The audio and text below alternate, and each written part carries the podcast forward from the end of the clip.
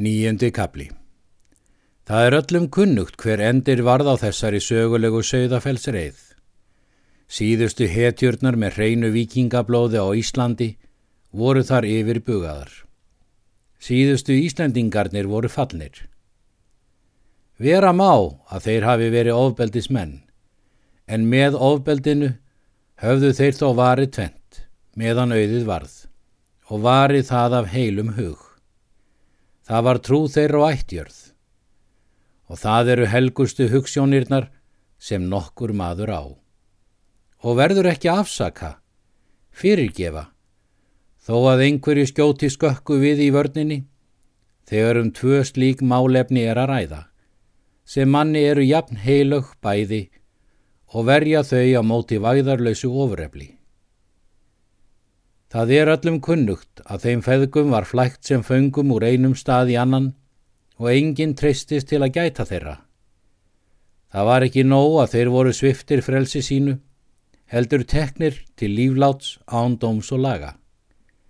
Það sem danska valdið kínokkaði sér við að segja upphátt á þeim tímum og var það þó ekki saminsku samt með afbríðum þá, það dyrðist einn síðbóta presturinn að kveða upp skjálfandi af hemdarhug og hálf ær af víndrykju. Biskupin og umbóðsmaðurinn Marteinn og Kristján tóku dauðadómi pressins auðvitað eins og guðlegri opinberun. Og svo var þeim að blæða. Svo urðu þeir að deyja. Deyja fyrir trú sína og sannfæringu, ættjörðu sína og syndir. En þá var stíft höfuðið af sjálfstæði Íslendinga. Upp frá því var þjóðin eins og vangstíður fuggl, undir ofurvaldi þjóðar og stjórnar sem útlutaði náðargáfonum fyrst með stóradómi, yfirdómi alþingis og einokunninni. Síðustu Íslendingarnir voru dauðir. Daðilje taka alla þá er sárir höfðu orðið í bardaganum í kirkjugarðinum og hjúkra þeim. Hinnum lofaði hann að fara burtu og á réttum og fóru þeir þegar af stað og þeir sem líkt voru kumlaður og ferðafæri voru. Helgi bað daða annast um gröft þessa eina manns er þegar væri dauður af sárum og tók hann því vel. Ekki let hann á því bera hann væri bróðir hans en bað þó um að hann fengi heiðarlega útför. Svenki var óhuggandi fyrst en svo fór hann með hjálp félaga sinna að týna saman það sem hann náði að farangri þeirra ingjalds og búa sig út til þess að fara með þeim félögum norður aftur. Ferð þeirra var döif og dapurleg. Engin hafði búist við þessum úrslitum. Engin hlakka til að koma heim með tíðindin. Einir þrýri eða fjórir voru eftir svo sárir að ekki voru þeir ferðafærir. Steinólfur hafði og orðið eftir hvaðst ekki myndi fara norður aftur fyrstum sinn.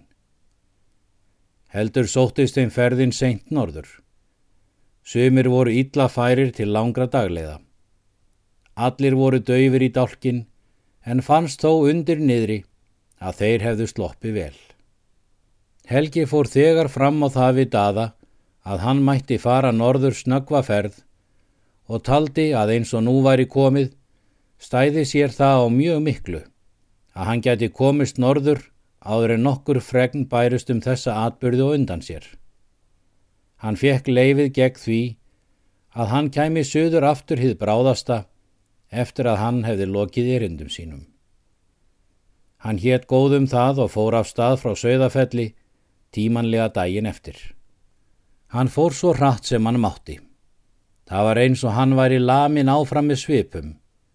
Hann þráði að komast heim Þráði að byrta Margretti í góðu tómi allan hugsin og hjarta, byrta henni það að nú væri ekkert framar til sem stæða á milli, engin ingjaldur, engin bönd, nú væri vilji hans sjálfs það eina sem bæra hlýða. En samt hálf kveið hann fyrir að koma heim. Hann vissi það vel að það erðu mikil og þung sorgar viðbyrgði fyrir foreldra hans að yngjaldur var fallin frá. Hann vissi það líka að þeim hafi þótt vætna um yngjald en hann og hann hafði verið þeim í öllu haldkvæmari og að laga sér betur eftir þeim og hugsunar hætti þeirra en hann. Og hann vissi að það var þeim geðfelt að hann og Margret fóstra þeirra yrðu hjón. En nú var hann ofan á. Hann vissi að katólskan myndi eiga litlu trösta að fagna hér á landi úr þessu. Ævidagar hennar myndi þegar á þrótum og hann treysti því að sér myndi takast að hafa Maríu grillurnar úr Margretu ef hann gæti komist að því að beita sér almennilega. Kaldarnes krossin var farin og undan og hafði ekki gengi erfitt að koma honum frá. Hofstaða Marja myndi og skildi auðvita fara sömu leiðina. Þegar skurðgóðin fara, þá gleymast þau fljótt. Þegar djöflinum er ekkert gefið undir fótinn, þá hunskast hann og fer. Með þessum og þvílíkum hugleðingum reið Helgi norður. Hann reið fram hjá norðanliðinu, í þinginu í Húnavassíslu. Það fór svo miklu hægur en hann. Það hafði engar svipur til þess að reka eftir sér. En á því lágu margar hömlur sem töfðu ferð þess. En svo þó sterkust að það kveið heimkominni. Það var eitthvað döflegt heimilið á hofstöðum eftir að þeir ingjaldur og sveit fóru. Það vantaði svo mikið í heimilið þar sem ingjaldur var. Hann var formaður og frumkvöðl svo margs á heimilinu, hjæltar upp í gladværð og hjæltar mörgu í skorðum. Svenki var kátur og ærslagjarn eins og unlingum er týtt. En það var nú samt ekki það eitt. Það kvildi eitthvert farg þar á öllu. Það var eins og það lægi alltaf einhver spurning í loftinu. Hún sveif í lausu lofti yfir húsbændunum og því helsta fólkinu, hvort sem það var úti eða inni. Þegar bjart var, leik hún fyrir eins og dökkleitur flekkur. Þegar dymt var, vafkaði hún eins og blóðrauður flók í myrkrinu. Það var þessi spurning, hvernig fer þetta?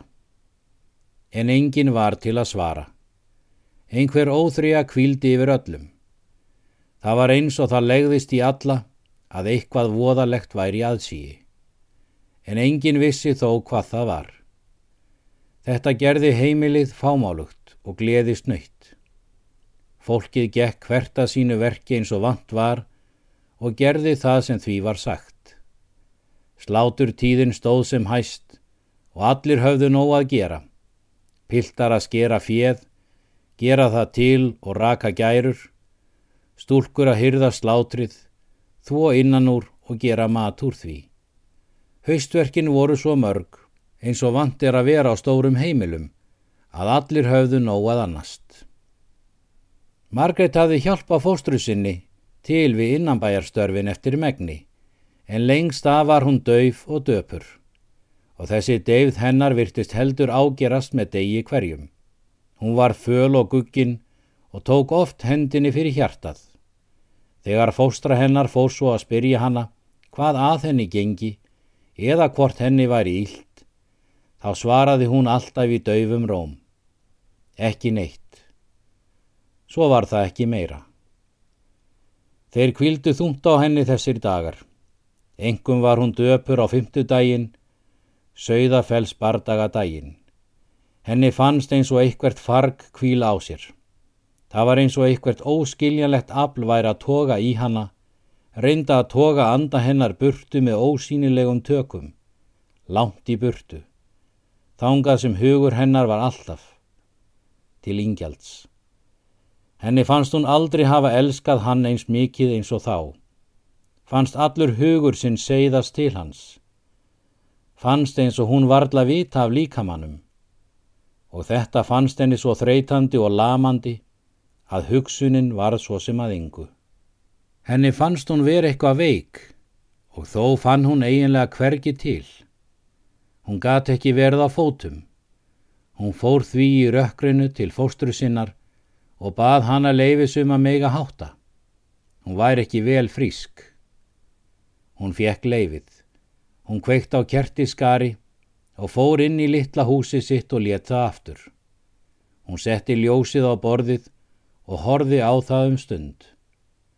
Það myndaðist litabógi í kringum það í augum hennar. Svo fór hún að týna af sér fötinn. Hún fór að öllu hægt eins og hún væri utan við sig. Gerði það í leiðslu. Hugsininn var dofin eins og sálinn væri ekki heima eða í fjötrum.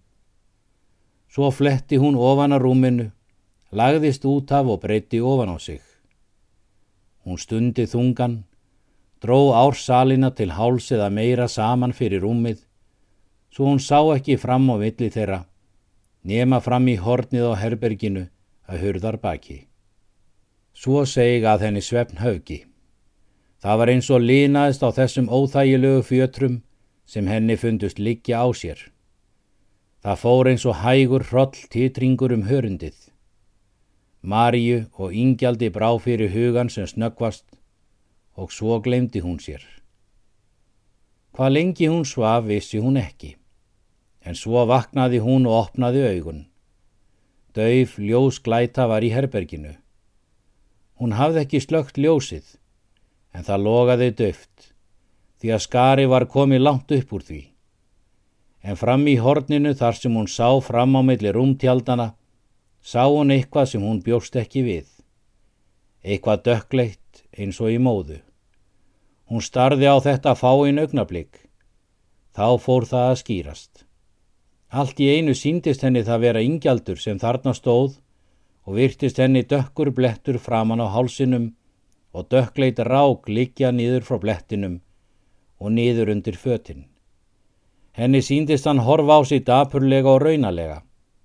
Hún reist nögt upp í rúminu og rétti fram hendurnar og sagði Ingjaldur, ertu komin? Og lagði snögglega aftur augunum leið, en þegar hún leit upp aftur var allt horfið. Hornið var jafn aukt eins og áður. Henni var döðbilt Hún rak upp hátt hljóð af hræðslu og fjell nýður á kottan aftur. Fóstra hennar var nálag, heyrði hljóðið og kom þegar inn til hennar. Þá var komin háttatími. Hvað gengur að þér, góða mín? Er þér ílt? saði fóstra hennar og beigði sig yfir hann í rúminu. Ég veit það ekki. Ég var svo hrætt. Hrætt? Og við hvað? Sástu nokkuð? Æ, ég veit það ekki. Mér síndist ég sjá eitthvað þarna fram í horninu. Hvað síndist þér? Þér er óhætt að segja mér það. Ég, get ekki sagt það. Og hún andvarpaði þungan og stundi eins og döðveik manneskja. Og þó, ég veit ekki. Nú, hvað síndist þér þá? saði fóstra hennar alvarlega. Henni þóttu þetta undarlegar vöblur á Margretu. Það hefur vist verið einhver vittleisa. Mér síndist ingjaldur standa þarna frammi í horninu og horfa á mig með svo miklum raunasvip.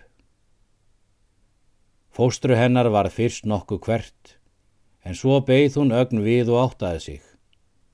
Hún vildi umfram allt ekki gera Margretu hrættari og æstari en hún var. Brosti því við og sagði Hann er farin að langa heim og hefur hugsað fast heim til þín. Hann fer líklega bráðum að koma heim. Guð gæfa satt væri, svaraði Margret og lagði aftur augun. Ertu hrætt við að vera eini nótt? Nei, ég er ekki hrætt lengur. Guð og heilög Marja mei eru hjá mér og þá er ég ekki hrætt. Þér er óhætt að fara, fóstra mín.